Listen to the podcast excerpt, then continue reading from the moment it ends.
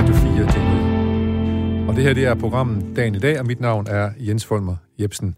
Og det kan være, at du hedder Anne-Marie, og det kan være, at du bor i Maja, og det kan være, at du lige nu sidder og læser avisen øh, om din yndlingssport, nemlig øh, skihop, og læser resultaterne af firebakketurneringen, som jo lige er blevet afholdt i Oberstdorf i Tyskland. Du konstaterer, at Karl Greiger fra Tyskland vandt, og Kamil Stok fra Polen blev nummer to, og på tredjepladsen kom Marius Lindvik fra Norge.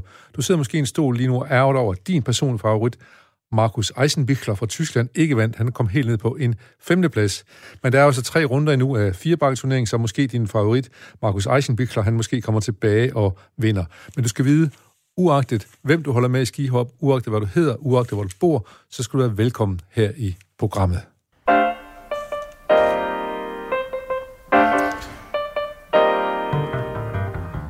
Ja, og når dagen i dag byder vores gæster og vores lytter velkommen, så gør vi det selvfølgelig altid med en herlig sang på læben.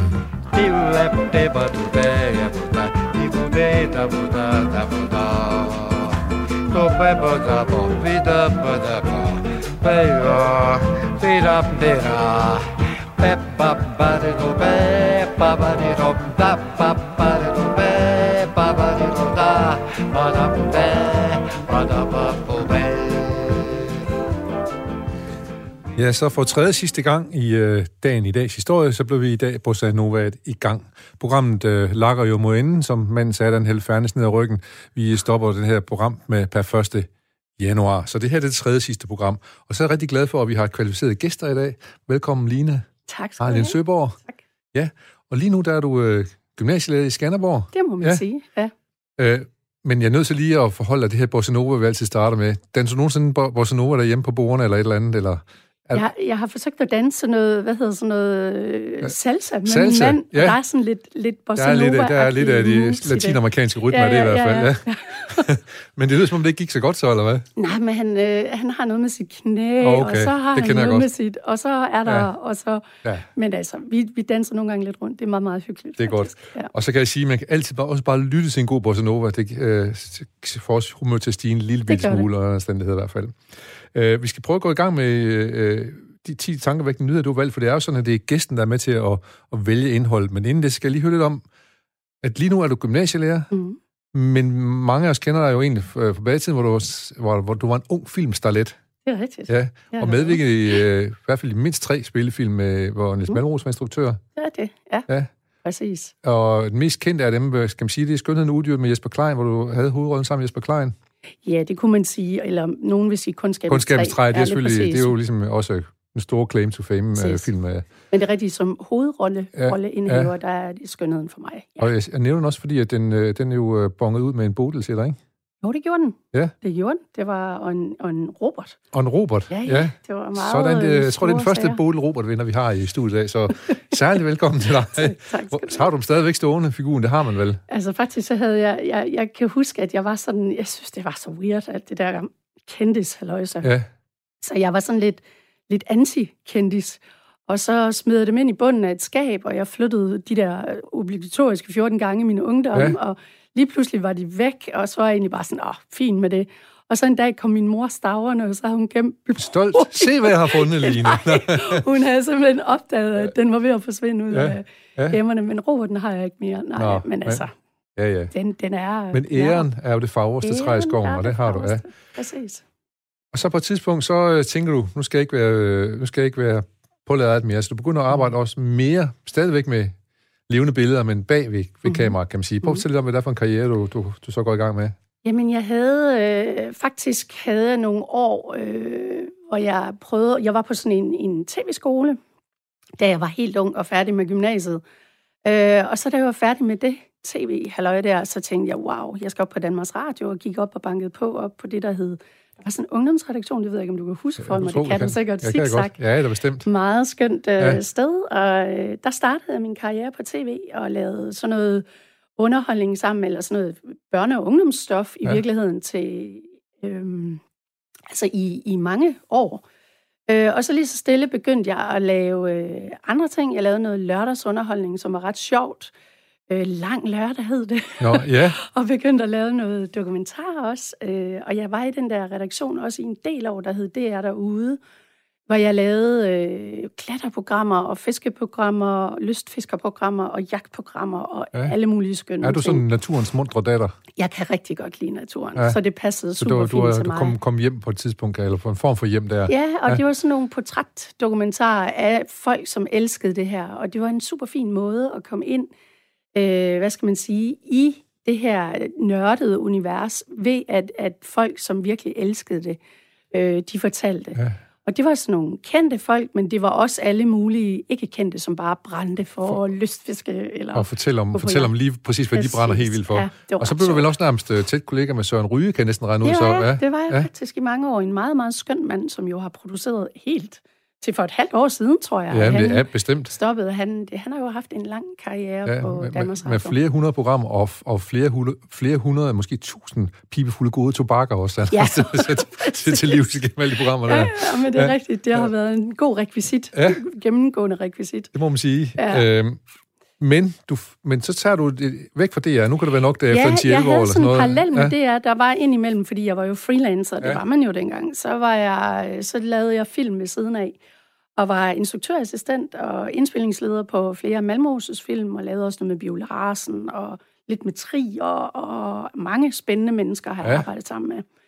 Øhm, og så er det rigtigt, den, de sidste år, faktisk fra jeg fik børn og var på Danmarks Radio, så tænkte jeg, wow, nu er det altså, jeg skal i gang med min uddannelse. Ja, og finde ud af, hvad er det egentlig, du skal være, hvad når du bliver stor? hvad er det egentlig? Fordi den der længsel havde altid været, mig, været der, og jeg tror også, at jeg havde det sådan, at det var en vigtig ting at blive uddannet. Man ja. kunne ikke bare rende rundt og være ja. uddannet, selvom det gik jo meget Er, er du vokset op i sådan en familie, hvor, ja. hvor man sagde, husk ja. nu at få en uddannelse, ja, Line. Det er fint nok, du fjoller rundt med det film der, og det er fint nok, og så videre, men... Ja, ja. det tror jeg ja. lidt. At man sagde det ikke til mig, men man kiggede lige til det lå, mig. Det lå mellem linjerne. det lå mellem linjerne, præcis. Og så, øh, så på et tidspunkt, så gik jeg i gang med at læse litteratur, litteraturvidenskab, og så læste jeg medievidenskab og æstetik og kultur. Jeg sammensatte min egen uddannelse, så jeg kunne arbejde journalistisk, ja. basically. Ja. Øh, og så mens jeg skrev speciale, så fandt jeg et fantastisk job, et, mit drømmejob på det Danske Filminstitut i København, hvor, øh, hvor, jeg var, hvor jeg blev sådan en udviklingskonsulent og sad i børn og unge og arbejdet med, hvordan man skaber læring til børn, ja, og, og også og, til og, deres hvor, formidlere. Hvorfor tænkte du, da du så det? Det her det er mit drømmejob. Hvorfor tænkte du det? Fordi det havde med film at gøre. Det var sådan okay. kernen af den der smukke af æstetikken og fortællingen, den der storytelling, der ligger. Og hvordan sikrer man, at børn og unge skulle få en viden om det, og hvordan skulle de blive kvalificerede mediebrugere? Det, har, det brænder jeg stadigvæk ja. rigtig meget for os i dag. Mit, også lidt måske at, at kunne kende uh, adskilt kvalitet fra, fra noget, der ikke er kvalitet, eller ja, modsatte. måske også det, men, men i virkeligheden, ja, altså se den gode fortælling, hvad ja. består den af, ja. og, men også se, hvad er det, æstetikken gør ved os, altså hvordan former den os, hvordan øh, har den betydning for den historie, vi bliver forført af. Ja. Øh, og det er faktisk noget, som jeg stadigvæk arbejder rigtig meget med i dag, ja. øh, og det og er jeg meget optaget af. Nu ved jeg ikke lige, om jeg kan gengive det rigtigt, men i går havde vi besøg af, af Gitte Ørskov, som er direktør for øh, Moderne Museet i Stockholm, der talte ja. også lidt smule om kunst, hvad det kan og det ikke kan osv. Ja. Og hun snakker blandt andet om, for eksempel, vi kommer til at tale om de her øh, Mohammed, ikke de danske Mohammed-tegninger, men de svenske, hvor man blandt andet tegner en hund osv. Ja. Og så siger hun, det, det som kun har kunsten som formål, eller det som kun har provokationen som formål, mm. det, er ikke, det er ikke nok, det er ikke kunst. Der er nødt mm. til at være noget udenom det, som er noget mere, som er en mm. fortælling om noget større, mm. og som er længerevarende også. Men det er vel også det, du leder efter, når du siger æstetik, så er det, der, der skal mm. mere til end bare mm. provokationen, mm. eller... Jeg tror, at jeg er meget enig med hende, og så tænker jeg faktisk, at, at provokationen, øh, hvis den virkelig har noget på, hvad skal man sige, hvis den virkelig har en tyngde og en dybde, og i øvrigt er interessant æstetisk det kan formidlet, være en så, kan, så kan det ja, være en krog, ja. fordi det er en form for kommunikation. Så kommunikationen, hvis den er særligt interessant, kan godt have elementer af kunsten i sig, men den har det ikke nødvendigvis Som, i sig selv. Entydigt er den ikke det, nej. Det er den nemlig nej. ikke, præcis. Men du er også, hvis du, arbejder med von Trier, når du lige nævnte det, så ja. har du jo oplevet provokationen også, ja, kan man sige. Præcis, præcis. Og, og også en, en helt anden form for æstetik uden omkring provokationen. Ja, ja. ja lige nøjagtigt. Ja. ja, det må man sige. Alle de her erfaringer, du nu har gjort med det her, dem har du så simpelthen samlet, og, så, og nu er det så unge mennesker i Skanderborg, der får glæde af din viden ja, omkring det, det her. Det, det ja, er det. Jeg arbejder på HF i Skanderborg. Ja og har også været på gymnasiet, men i de sidste år her har jeg været på HF, og det er jeg meget, meget Det er lidt ældre med. elever? Det er det faktisk ikke længere. Det, det har man sådan en idé om. Det er min de fordom. Ja, også, jamen, det er fordi, jeg selv er gået på HF. Præcis, og jeg de gad kommer ikke fra... Nej, du gad ikke. Jeg kan vente lige lidt. Ja. og Emil derude, som er også, i øvrigt også har taget æstet- æstetik og kultur, som du er på, No. øh, har også gået på HF. Men, Ja. Og du underviser i HF. Ja. Så vi har sådan en lille HF-klikke her. Ja, ja, ja, det er det. Og Men- det, det er særligt. Altså, det må jeg sige, det er nogle meget fine elever, der er der, fordi at de, mange af dem arbejder. Altså, mange af dem har en kæmpe stor selvtillid og selvværd, men der er også en gruppe, der ikke har, men som egentlig har, er ekstremt fagligt øh, kompetente og dygtige og kan udvikle sig på alle måder. Så jeg synes, det er en mere nuanceret gruppe at arbejde med, måske en, en gymnasieelever. Både og. Oh, jo, ja. Både i Ja. gymnasieelever skulle også øh, mange Men skal vi lige øh, hjælpe lytteren her til at sige, at, øh, at HF det er en toårig uddannelse, som er svarer, er modsvarer en treårig gymnasieuddannelse. Ja. Og en af forskellene er, at i HF, der skal du op i alle fag til eksamen. Ja, det er rigtigt. Det er- Det er, ja. rigtigt. Og egentlig skal man basically, altså jeg underviser i dansk og mediefag, og det er faktisk stort set det samme pensum, det må man skulle sige. Og ja. de knokler virkelig Ja, ja. for det, de her HF'ere. Men de har jo også en vidende lærer, så øh, hvorfor skulle man ikke... Øh, og, og du tak. forstår jo at formidle også, jo. Det er også det, du arbejder med. Du Ja. arbejder meget med formidling også, sådan noget Det- kan jeg jo så næsten regne ud af. Præcis. Øh, nu skal vi se, nu skal vi lige have et ordentligt los øh, bag i, og det skal nemlig føres ind i øh, de nyheder, som du har udvalgt til os, Line Arlen Søborg.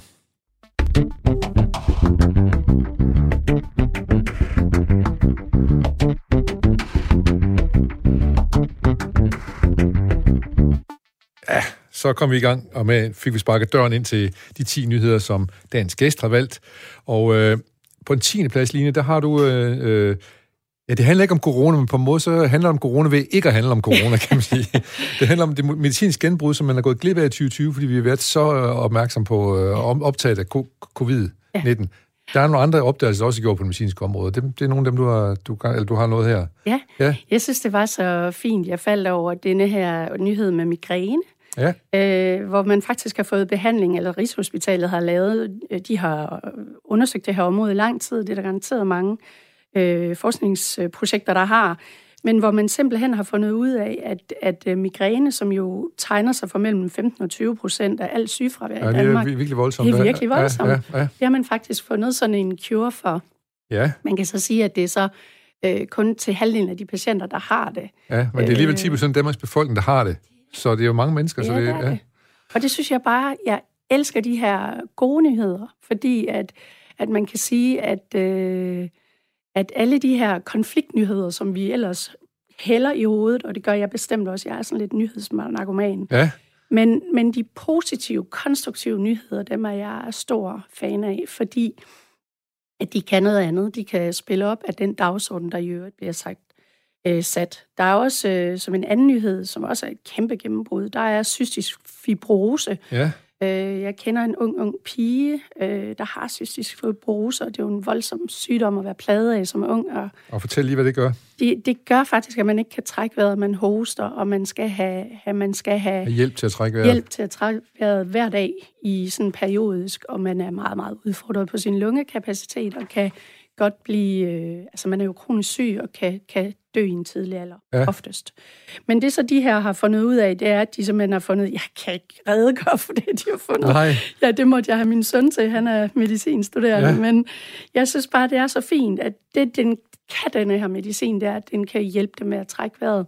Så i løbet af nogle få uger, hvor, øh, hvor de har fået det her, denne her behandling, så begynder de også simpelthen at danne mindre slim og hoste mere, mindre, mindre, ja. hvilket jo selvfølgelig kan, kan, kan hjælpe dem betydeligt. Der står det her, vil at, cystisk, cystisk fibrose skyldes en mutation, der gør, at man ikke kan transportere salte ind og ud af sine celler. Det kan jeg godt forstå, at du skal have forklaring på.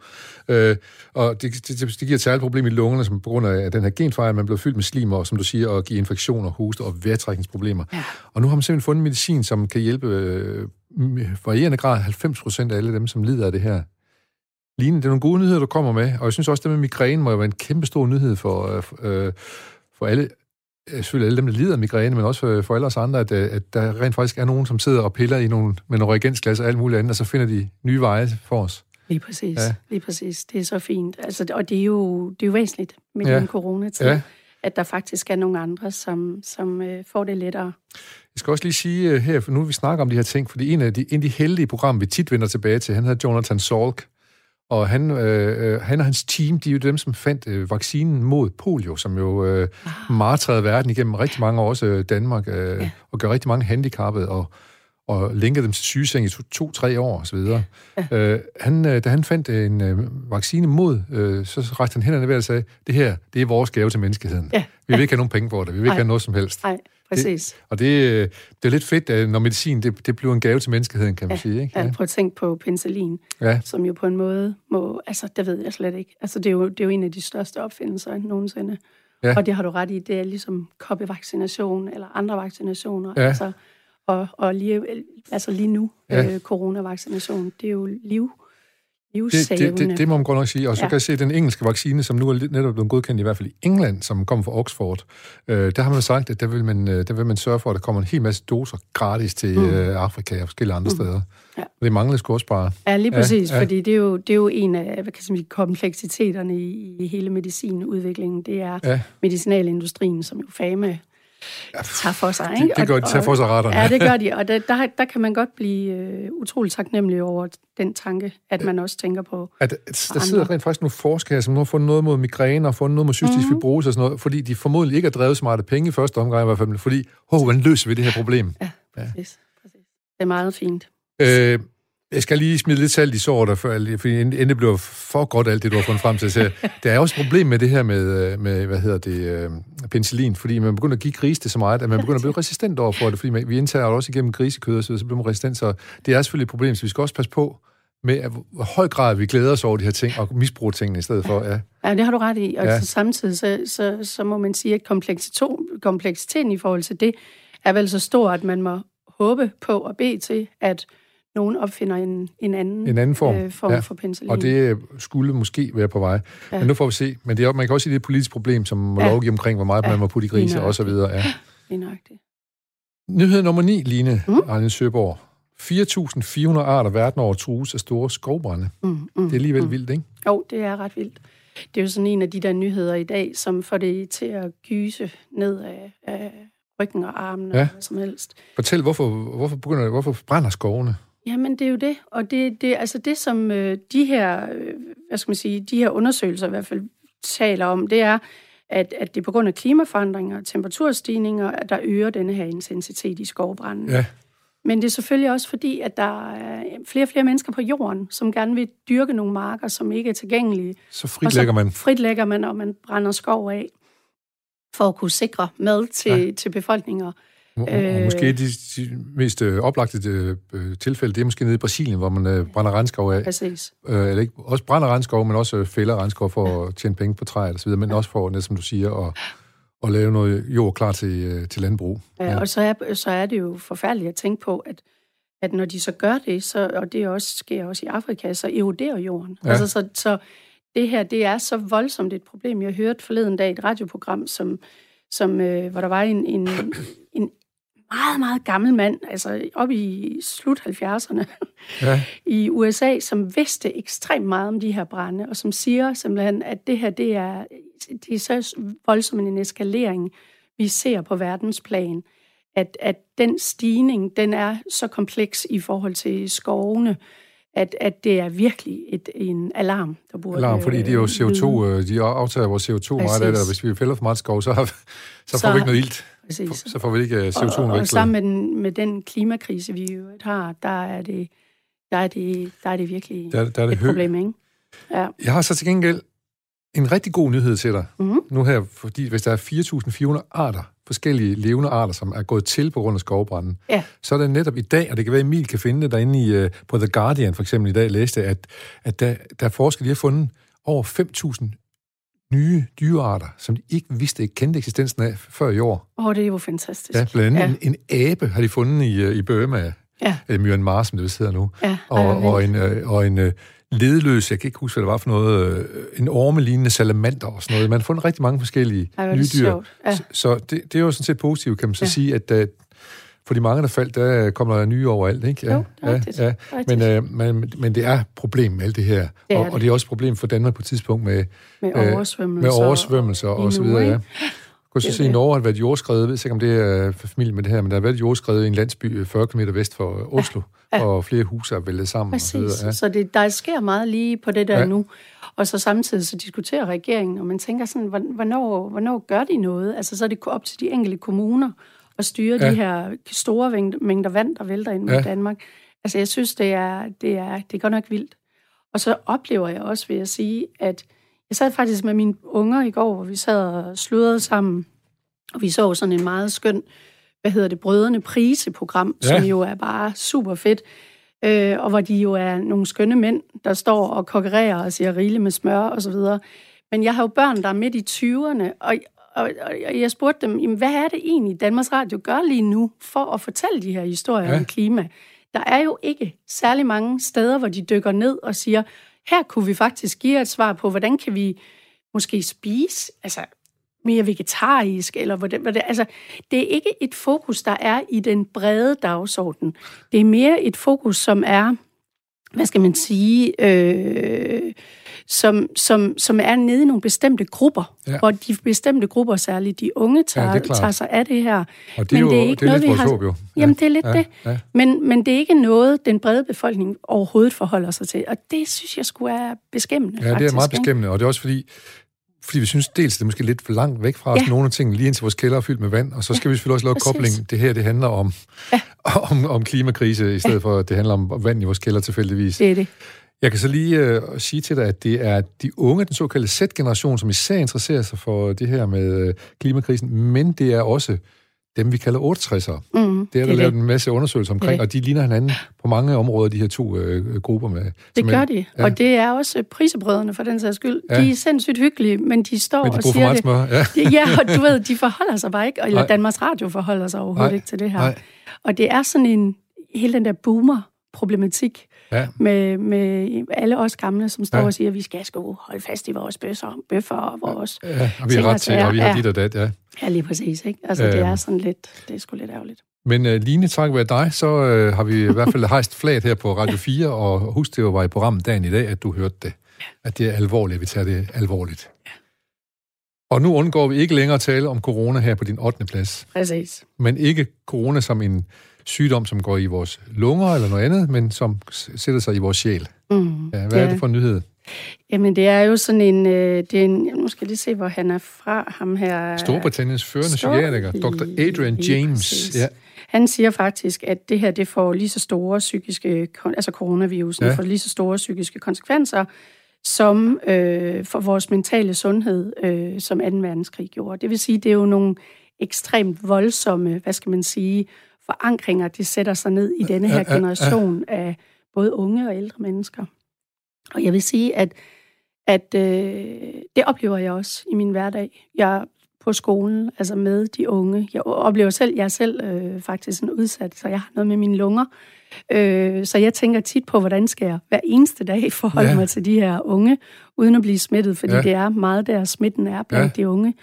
Men jeg ser også, og det er næsten værre, vil jeg sige, end mig, jeg ser unge, som er angste, øh, som måske også selv er syge, og som, som øh, lever med det her, og de, de gemmer sig, samtidig med, at de forsøger at fastholde en hverdag.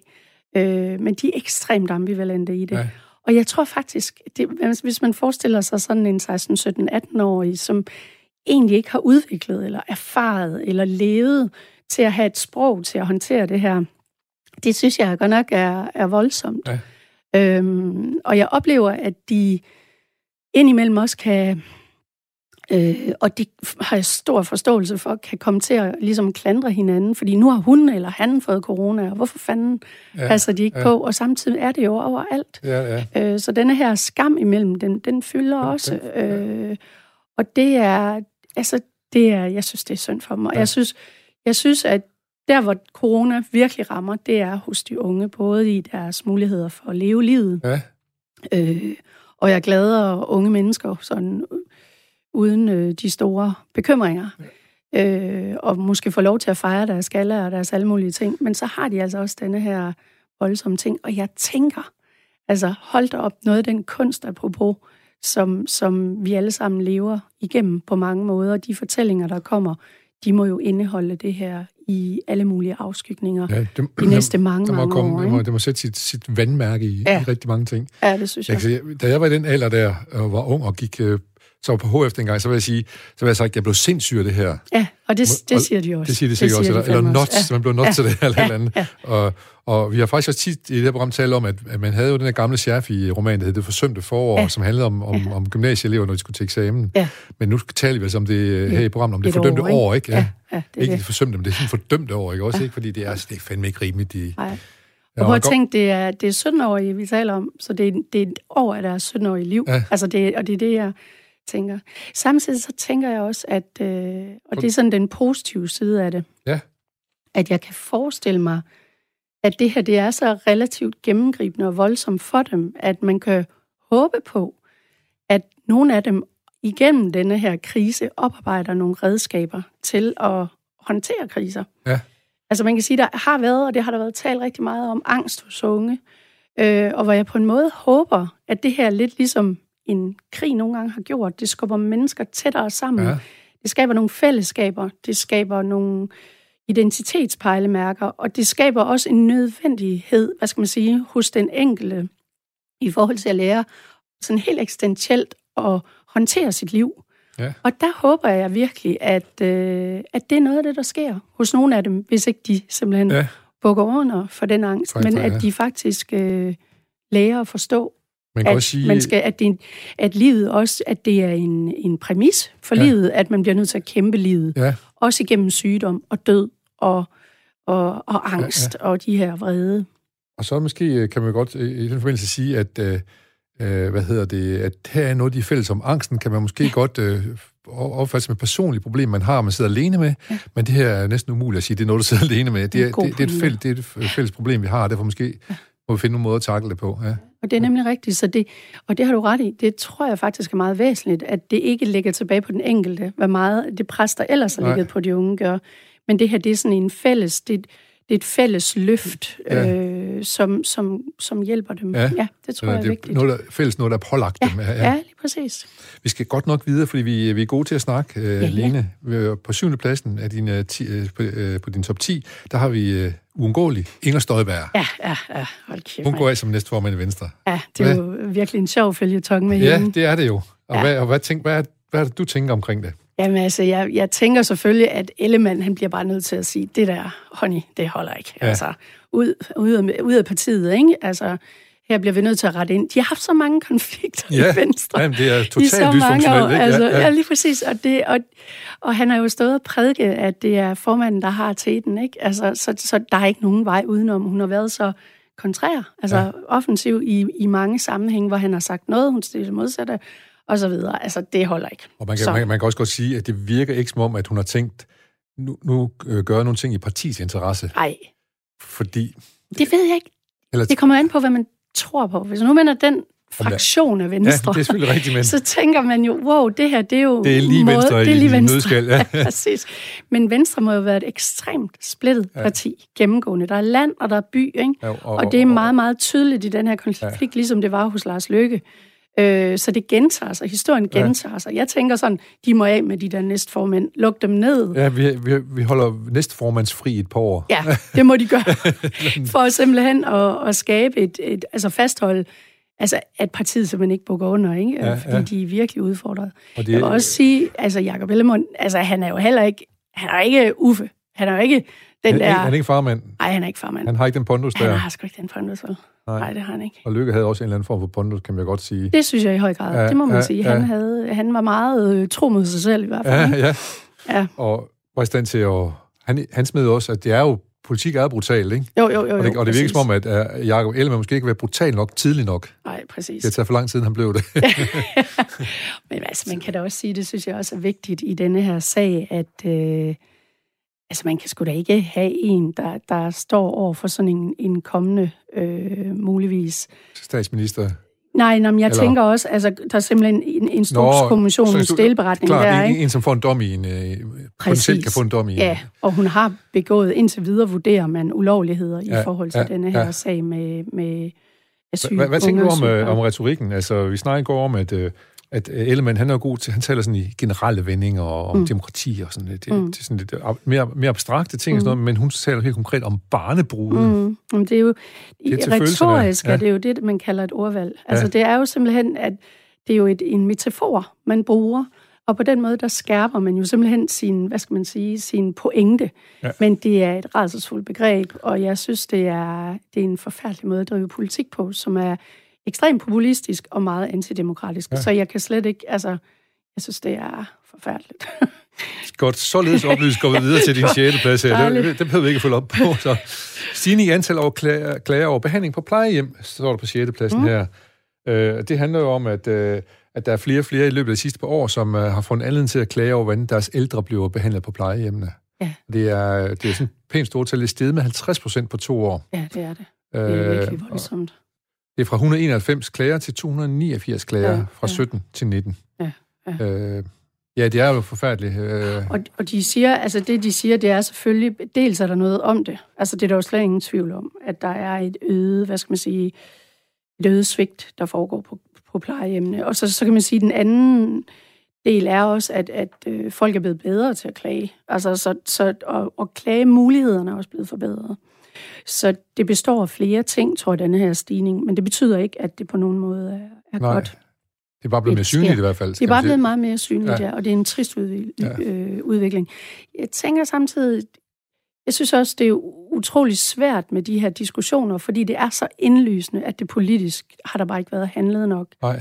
Området her, det er jo blevet beskåret simpelthen i et årti i hvert fald. Ja, ja virkelig, virkelig radikalt. Øh, og så det blev også flere og flere ældre, kan man så sige. Ikke? Og der så, bliver flere ja, ja. ældre byrden, ja, som ja, igen er et godt ordvalg, ja. men i hvert fald ældre, altså ja. antallet af ældre bliver, bliver voldsommere og voldsommere. Så, så ja, det er, det er virkelig ikke godt. Det synes jeg simpelthen ikke. Øh, tror du, jeg tror... synes, det må være forfærdeligt at være personale de ja. her steder, ja. og føle, at man står magtesløs tilbage, og at man faktisk ikke kan give de ældre den hvad skal man sige, pleje, de, de burde have. Burde have nej. For det ved mange af dem godt.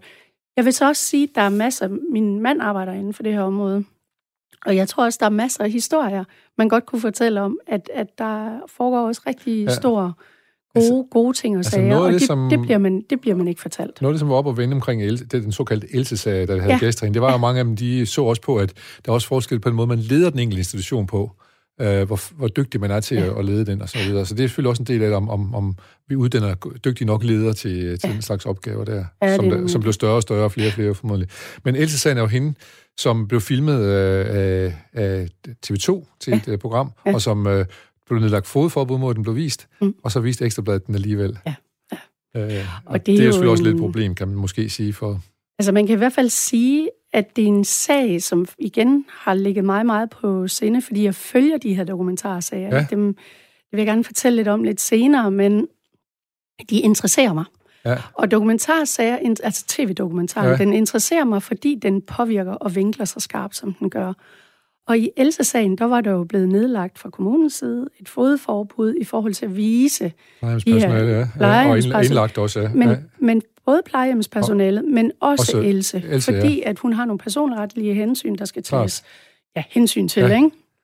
Ikke? Øh, og det valgte både det politiske establishment, altså ja, både ja. på Christiansborg, Christiansborg. Og, men også øh, her i kommunen i Aarhus, at sige, jamen det kan vi ikke forholde os til. Og så som du siger, Ekstrabladet valgte jo så også at, at, at, at hvad hedder det, bringe de her klip. Optagelserne, ja. Og der tænker jeg, altså jeg kan godt forstå, at man skal vise som den fjerde statsmagt, når tingene løber af sporet. Det skal man. Ja. Og det er det, pressen er sat i verden for.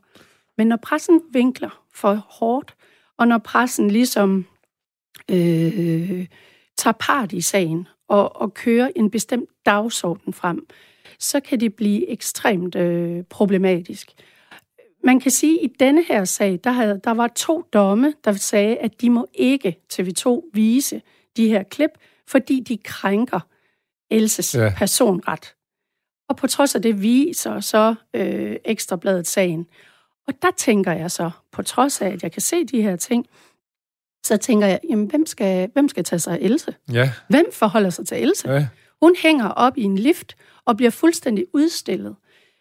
Det samme har man gjort i forhold til små børn i børnehaver, hvor man også viser dem i meget øh, ubehagelige situationer, og det sker. Det er slet ikke, at det må ske. Det mener jeg slet Nej, ikke, det må. Men, men, men hvem beskytter Men den, ud- hvem den udsatte? beskytter den udsatte? Den, som faktisk... Øh, og der er der lidt den her tendens til, at hvis ikke de her institutioner gør noget, men så bare putte det på skjult kamera og vise det på TV2. Jeg synes, øh, det, det er et kæmpe problem. Ja. I stedet for at sige, jamen, Else har ret til sin egen fortælling. Det har hun ikke i det øjeblik, hvor det her sker. Øh, hun bliver hængt op til, til hvad skal man sige, Til offentlig skue. til, til offentlig skue. Ja, ja. Hvis mine børn gjorde det med mig, så ville jeg fandme... Så, var lidt, Så ville jeg skulle så- gøre så- dem afløse. Eller, Ja. ja. jeg ved altså jeg ved ikke. Jeg få nogle andre børn? Så ville jeg få nogle andre.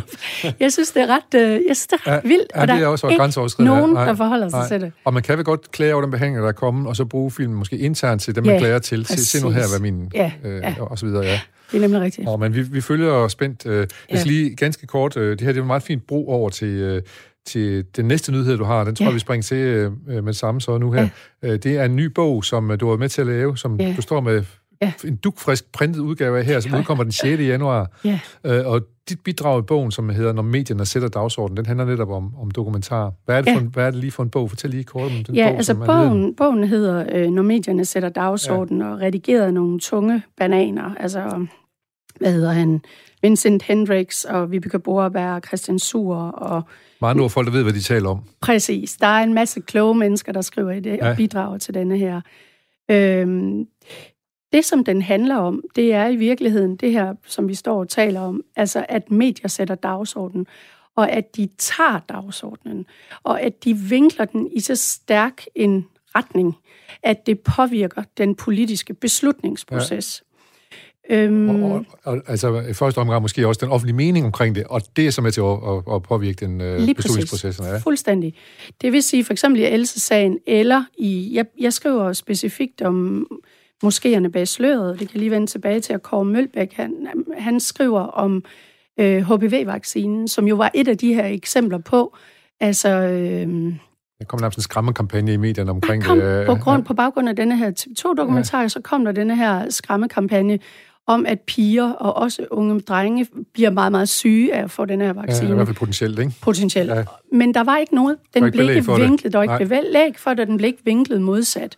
Det vil sige, det var et stort partsindlæg i denne her retning. Det, der sker efterfølgende, det ved vi alle sammen, det er, at de her, en hel generation af unge piger bliver faktisk nærmest ikke vaccineret. Der faldt virkelig drastisk Ja, ja, ja. ja. fald i flere år efter, som tager lang tid for Sundhedsstyrelsen at bygge op igen. Ja. Det vil sige, at tilliden til vaccinen forsvandt. Øh, det synes jeg var skræmmende. Det, der sker i de her sammenhænge, det er, at medierne er med til at medialisere historier, så de medialiserer den politiske beslutningsproces og simpelthen sikrer, at det er denne her retning, vi, vi skaber politik Ja. i. Det gjorde man også til dels, beskriver jeg blandt andet med moskéerne bag sløret, hvor virkemidlerne i dokumentaren simpelthen var så voldsomme, øh, og så retningsgivende for, hvordan man ønskede at vinkle denne her... Ja, det, så man, man, man går mere efter sensationen og konflikten. Præcis. Øh, skal- Præcis. ja. End man går efter det at nuancere et billede af en problematik. Og det er meget, meget vigtigt også at bringe øh, hvad skal man sige, bidrag fra, fra nogle andre, som mener noget Ja, andet, ja. end det man bare kører afsted med. Ja. Øh, så det synes jeg, jeg synes, det er noget, der jeg synes er meget komplekst. Den skal hermed være anbefalet, når medierne ja. sætter dagsordenen 6. januar med bidrag blandt andet dagens gæst, Line Arlene Søborg, men også af Kåre Mølbak og Vincent, øh, hvad hedder han, øh, Hendricks, Hendricks, og, ja. så, og, og rigtig mange andre øh, vidne mennesker. Ja. Vi skal lige øh, skynde os lidt og høre denne her. Hold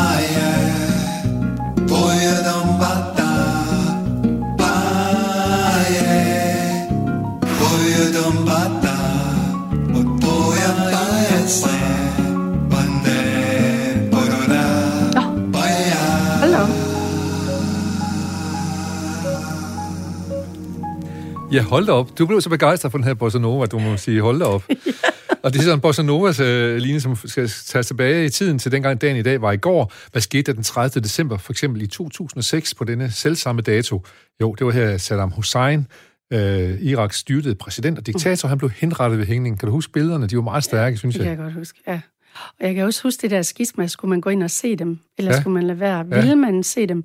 Eller jeg havde da vilje at klikke på YouTube og se det, eller ville jeg lade Ja. være? Ja, meget voldsomt. Det går nok. Det er vildt. Ja. Øhm, I 1999, på den 30. december, vi kunne snakke længere om alt det her med, med henrettelser, og også måske også snakke om, hvad der sker i USA lige i øjeblikket og så videre.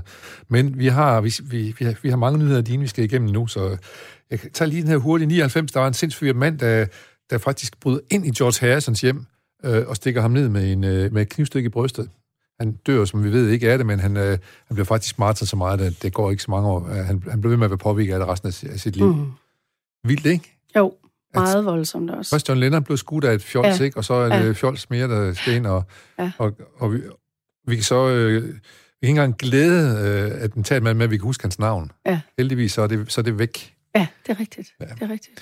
Øh, og i 81, der omdanner Anker Jørgensen sin nye regering. Det er hans, øh, det er hans femte regering siden 72. Øh, det var Jens Otto Krav, der udpegede Anker Jørgensen som øh, hans Nå, afløser. Ja. Og 72, det var det år, hvor vi kom ind i et såkaldt EU, og der stoppede Jens Otto Krav som statsminister. gik han af, da han ligesom opnåede sit, sit mål med at få Danmark ind i, i EU. EF. EF. E, EF hed det vist dengang, ja. ja.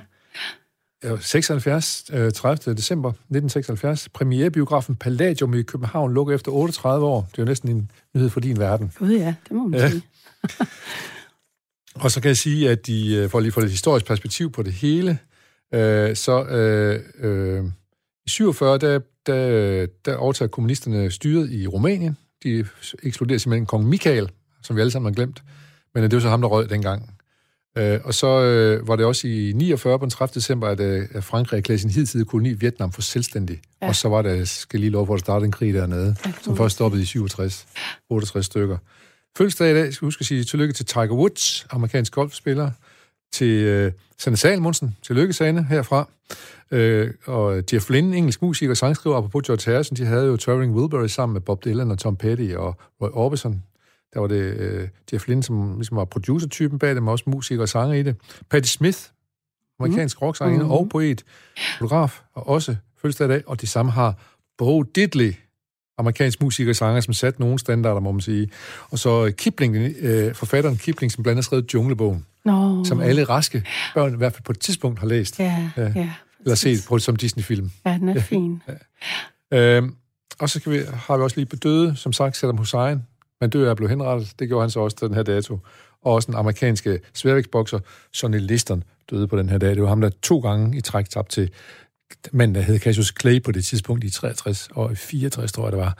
Godt, vi skal tilbage til nyheder, som er valgt af dagens gæst, Line Arlen Søber, og vi skal igen lige have et lille spark i bagdelen for at kunne åbne døren.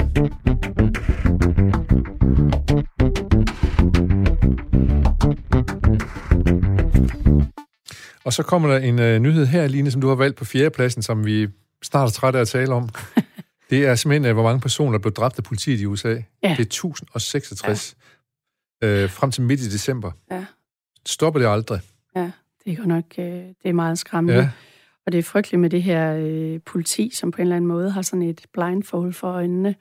Fordi at hver gang de oplever, at det er en sort person, så er det som om, at, at uh, hvad skal man sige, rationaliteten sætter ud, og de kommer simpelthen til at lave de her drab, øh, og kommer til, det er måske også forkert øh, ja, og formuleret, de, fordi de er biased i forhold til, ja, og til så, farve. Og, og de ved også, der er en eller anden, øh, der bliver også dækket over min høj grad, ikke? Ja, det gør der nemlig. Og de, man kan også sige, at der er en del af politiet i USA, som ikke er sådan virkelig godt uddannet. Det er ja, noget let at blive politibetjent i... Øh, øh, og man kan sige, at det er 28 procent af de dræbte, de er sorte, selvom de kun udgør 13 procent af befolkningen, ja, så det er ja. jo helt mis, mis, stort misforhold, der er der. Ja. Øh. Man kan sige, det er, det er noget mærkeligt. Altså, det er selvfølgelig meget, meget voldsomt i, i USA, og der har også været hele den her Black Lives Matter i forlængelse af Floyd-sagen. Ja. Øh, men, men, men der er elementer af det her i vores samfund, og det er der også i Danmark. Der ja. er elementer af, at vi ikke er ligestillet med, i forhold til farve, og at vi kommer til på en eller anden måde at stigmatisere nogle grupper. Øh, jeg ser det i min dagligdag igen på HF, hvor vi har rigtig mange med anden etnisk baggrund. Øh, og når jeg taler med dem, og vi taler sammen på klassen om de her ting, så er de, denne her generation er et helt andet sted end, end min egen generation. De har en helt anden, der er mange af deres, altså de hvide svenner, som er farvet, og der er en helt anden forståelse for, synes jeg generelt, ja. at, at vi bør være meget mere opmærksomme De har gået børnehave sammen også, måske. De sådan Så er det en anden måde at, at opleve hinanden på, ja. Og der, jeg tror, det er noget, der forhåbentlig vil forandre sig ja. øh, over årene her. Ja, det tror jeg, håber jeg også på, ja. Men der er meget det, som man kalder mikroaggressioner også. Ja. Ting, man ikke Ja. er bevidst om, Det er hvordan man kommer til at gøre ting. Og det er Information havde en mega spændende artikelserie om det, ikke? Også hvor de fortalte, hvor der var en masse af de her farvede mennesker, som fortalte, om, fortalte deres historier øh, fra hverdagen, om hvordan det var at være farvet i Danmark. Ja. Og det var de små øh, sådan hverdagsracistiske øh, Ja. oplevelser, de havde, som man kun kan blive klogere af at læse, synes jeg. Godt, der findes også en hjemmeside, som jeg lige, lige nu har glemt øh, navn på, som øh, en af vores gæster øh, har, har lavet, som, øh, hvor, man, hvor der er vidnesbyrder fra forskellige folk, hvor de fortæller om, hvad de har været udsat for af langt ud ting, altså Ja. til fodboldkampe, hvor nogle fædre skælder dem ud, fordi de har en anden hudfarve Ja, og sådan noget, ikke? Ja. Øh, så Ja, Jeg tror slet ikke, øh, jeg tror, altså man forstår det kun ved at lytte til dem, Ja. og prøve at tage det ind og prøve at skabe forandring. Det er bestemt en, en ting. det her nyhed startede i USA med politiet, og den endte i Danmark hjemme på skolebænken i HF, mm. og ude på fodboldbanen og alt muligt andet i nærheden af os selv her i Danmark, Mm. så vi må Mm. tage os sammen og, og gøre Mm. noget ved det. Præcis. at øh, det er en hjemmeside, der hedder talud.dk, har Emilie Ah, hjulpet med, den hedder. Og den okay. kan man faktisk godt Ja. gå ind og se, hvis man vil lære noget om øh, mikroaggressioner, og måske lidt der Ej, hvor lidt værre. spændende. Ja. Øhm, og vi skal videre til noget andet på en tredje plads, som også handler om nogen, der har været udsat. Det er nemlig kvinderne i Argentina, som har haft øh, som har været undertrykt på en bestemt måde i hvert fald. Nu har de kæmpet og kæmpet i mange år, mm. og nu endelig er der kommet hul igennem til, øh, de kan få... Øh, det er det, må du fortælle om, hvorfor Ja. du har valgt det, hvad det er. Ja, men det er jo rigtigt. Altså, der er simpelthen, altså, abort er blevet legalt. Det er blevet galt nu efter en, I- en, en efter en lang, lang- mange år, ja. Lige præcis. Og præsidenten, der sidder nu, har ligesom sagt, at han blev stemt ind på det her, øh, i hvert fald Argentinas kvinder, Ja, øh, på at, at gennemføre fri abort. Ja. Og det er så lykkedes nu, og det er, det er historisk. Vi, altså det, vi var faktisk, min, min datter og min mand og jeg var i Argentina her i februar. Øh, inden lige før. Corona. nåede det lige, ja. det er virkelig mærkeligt Ja. at tænke tilbage på, Ja. faktisk. Inden verden gik at lave. Ja. Fordi min datter skulle læse øh, i, i Buenos Aires. Øh, Fin by. en fantastisk, altså fuldstændig ja. fantastisk by, øh, med meget højt til loftet faktisk. Ja. Øh, og da vi tog hjem, øh, der skulle hun jo så blive der og læse videre, og der ved jeg, at hun gik på gaderne sammen med, med de her kvinder øh, i deres fælles kamp om at, at skabe bedre forhold for, for kvinder Kvinder, ja. i, i Argentina, og det lykkes nu. Og nu lykkes det med det, Det her, på er- trods af, at det er faktisk er et ret katolsk land. Og, ja, og på paven, paven. er, er fra Argentina, kan man så Præcis. sige. ret Han virker så som en af de mere liberale paver, Ja, der har været, kan man skole sige. Ja. Nu har de sådan en socialistisk præsident, jeg tror, han hedder Fernandes, som, ja. Ja. Ja. som uh, har kæmpet for, øh, at det her skulle Rigtigt. igennem uh, som lov også. Præcis. Og kæmpe fest i gaderne går foran Ja. det lyserøde hus inde i Buenos Aires, hvor præsidenten jo bor. Ja, det er Øh. øh, helt vildt. Det, er- det er virkelig stort for dem. Ja. Og man kan også håbe, at det vil få en betydning ud i resten af Sydamerika. Sydamerika, ja, fordi der, ja. der er mange steder, hvor det der er for eksempel El Salvador, jeg tror det er Guatemala, tror jeg, eller der er i hvert fald to lande, hvor der er ingen, der kan man ikke på nogen som helst måde få en uh, abort, uanset om du Gennemført. voldtaget eller nej. nej. Nej, det er ret vildt. Det er ret vildt, ja. Ja. Øh, øh, Line, vi skal videre til mm. Din nyhed nummer to. Ja, ja. Nu må du ikke øh, falde ned på folk, der Nej, står nej. og bukker sig her. Ja, Men det er rigtigt, det er fra politikken, hvor, hvor øh, Lotte Rod øh, er blevet kaldt hysterisk og tåbelig og så videre. det er ikke politikken, hun er blevet, og vi skal lige sige, Lotte Rod er en øh, radikal Venstres folketingsmedlem, og hun blev, hun, blev kendt, fordi hun var blandet ind i en sag med Morten Østergaard, fordi hun sagde, at Morten Østergaard vist også har lagt en hånd på hendes lår. Det er rigtigt. Og i forlængelse af det Ja. blev hun i en tråd på Danmarks Radios hjemmeside kaldt hyklerisk, hysterisk, tåbelig, alle de her Ja, øh, ting, Ting, som man, som man nok ikke vil kalde en mand. Præcis. Og nu er det så, DR øh, går ud og, og øh, beklager det her. Altså deres nyhedschef, Thomas Falbe, Ja, øh, er fremme og, øh, og sige, at det dur ikke. nej, så, man, øh. Så nu må man slet sådan en slags ting efterhånden, hvis det bliver for grove. Lige præcis, lige Hvis præcis. trådene på deres Facebook, ja. Ja, og det er, jo, det er jo virkelig, virkelig godt. Det, som jeg...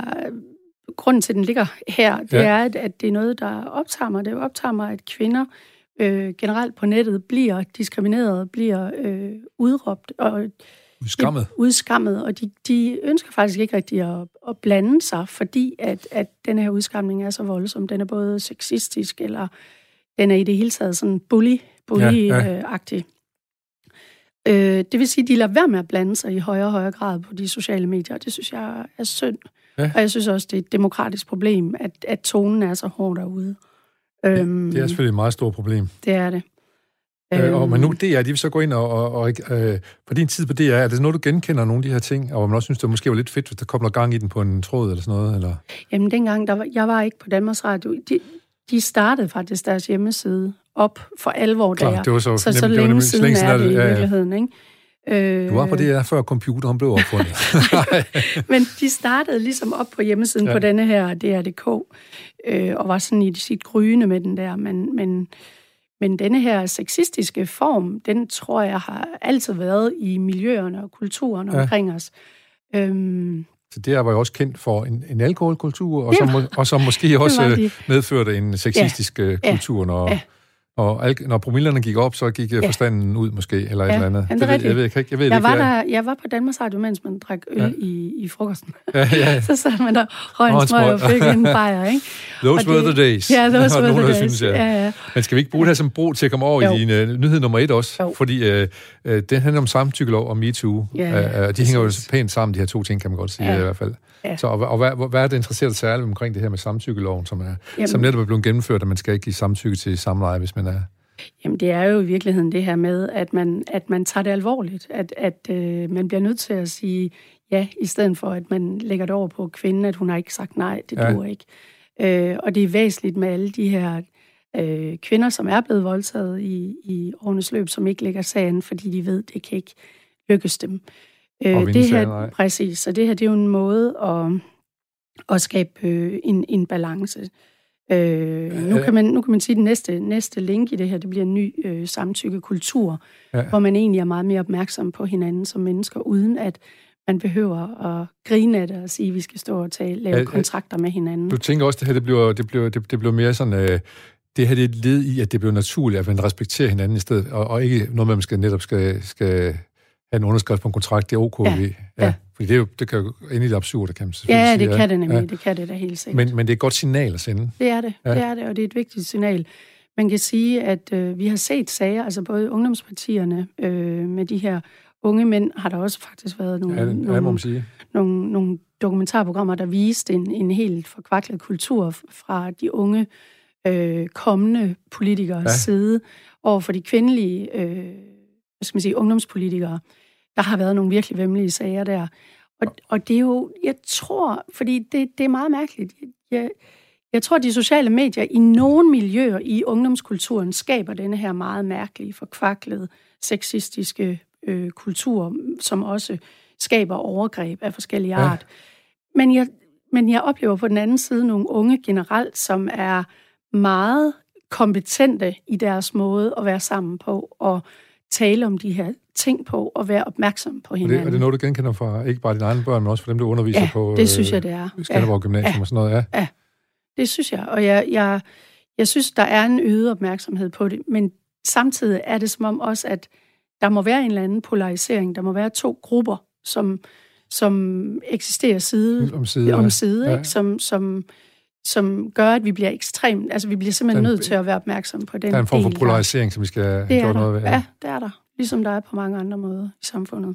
Men uh, tak for at indgyde os et form for håb mm. omkring uh, via de nye generationer, mm. og uh, godt at få uh, det påtalt, de her ting. Tusind tak dig, Line Arlen Søber, og have et rigtig god, uh, godt nytår i morgen. I lige måde, tak. Uh, og så lad os passende slutte af med Bo Diddley og Who Do You Love, og så kan vores uh, herlige nyhedsværter jo danse lidt til Bo Diddley.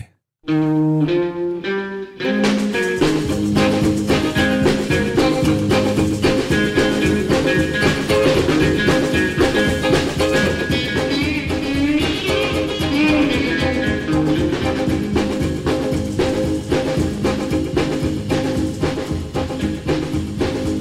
47 miles of barbed wire. I use a cobra snake for a necktie. I got a brand new house on the roadside, made from rattlesnake hide. I got a brand new chimney made on top, made out of a human skull. Now come on, take a little walk with me, Arlene, and tell me who do you love? Who do you love? Who do you love? Who do you love? Who do you love?